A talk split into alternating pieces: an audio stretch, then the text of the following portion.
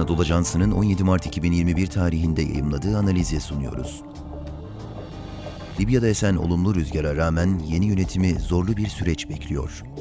Yazan Enes Canlı Seslendiren Halil İbrahim Ciğer Libya Arap Baharı isimli süreçte Muammer Kaddafi'nin 42 yıllık yönetimini NATO'nun da askeri müdahalesiyle 2011 yılında sonlandırdı. Aradan geçen 10 yılda siyasi geçiş süreci girişimleri sürekli farklı şiddette silahlı çatışmaların alevlenmesiyle başarısız oldu. BM'nin Libya içinden farklı etnik, siyasi ve bölgesel temsilden seçtiği 75 üyeden oluşan Libya Siyasi Diyalog Forumu, 5 Şubat'ta ülkeyi seçimlere taşımak üzere Başkanlık Konseyi Başkanı olarak Muhammed El Menfi, Başbakanlık görevine de Abdülhamit Dibeybe'yi seçti. Hafter'e bağlı milisler Bingazi'den çıkmalı çağrısı.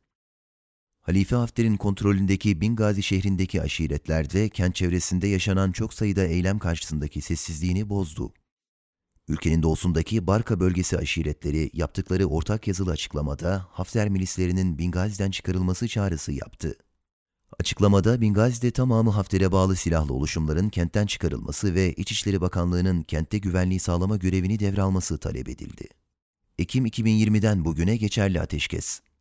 Libya'da tarafların birbirine askeri olarak üstün gelemeyeceğinin anlaşılması ne savaş ne de barış mottosuyla 23 Ekim 2020'de iki tarafında bağlı kalacağını açıkladığı bir ateşkese dönüştü. Halife Hafter'e bağlı milislerin birkaç ihlaline rağmen bu ateşkes geçerliliğini koruyor. Ancak ülkenin doğusunda çatışmalarda başöktör Halife Hafter, emrindeki silahlı milis gruplarını feshetmedi ve kendisini Libya ordusunun başı olarak görmeye devam ediyor. Dibeybe hükümetini kurarken tüm tarafların savunma bakanlığını almak için uğraştığını belirterek yeniden bir savaşa müsaade edemeyiz demişti. Başbakan, Savunma Bakanlığı'nı şimdilik kendisinin üstleneceğini ve Başkanlık Konseyi ile istişare halinde buraya bir isim atacağını açıklamıştı.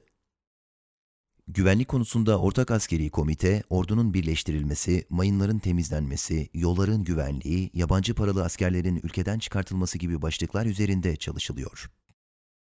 Birleşme yönünde göstergeler. Ülkedeki bu olumlu hava, göreve gelen Ulusal Birlik Hükümeti'nin ülkenin üç bölgesinde de faaliyet gösterebilmesinin önünü açtı.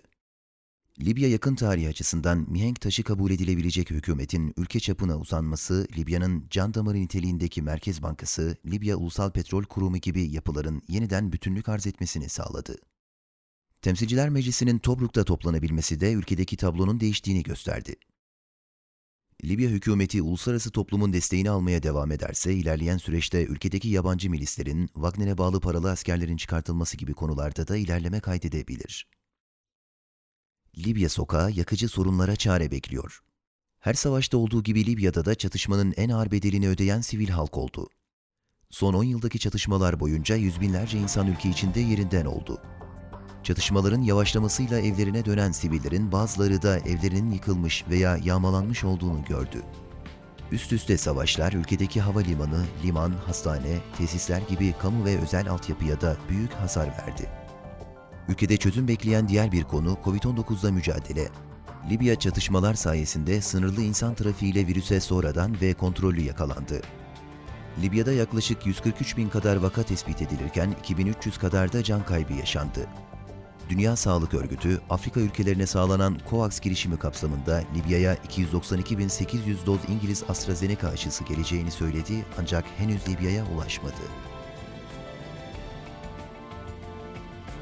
Spotify, SoundCloud ve diğer mecralardaki podcastlerimizi dinlediğiniz için minnettarız. Lütfen abone olmayı unutmayın.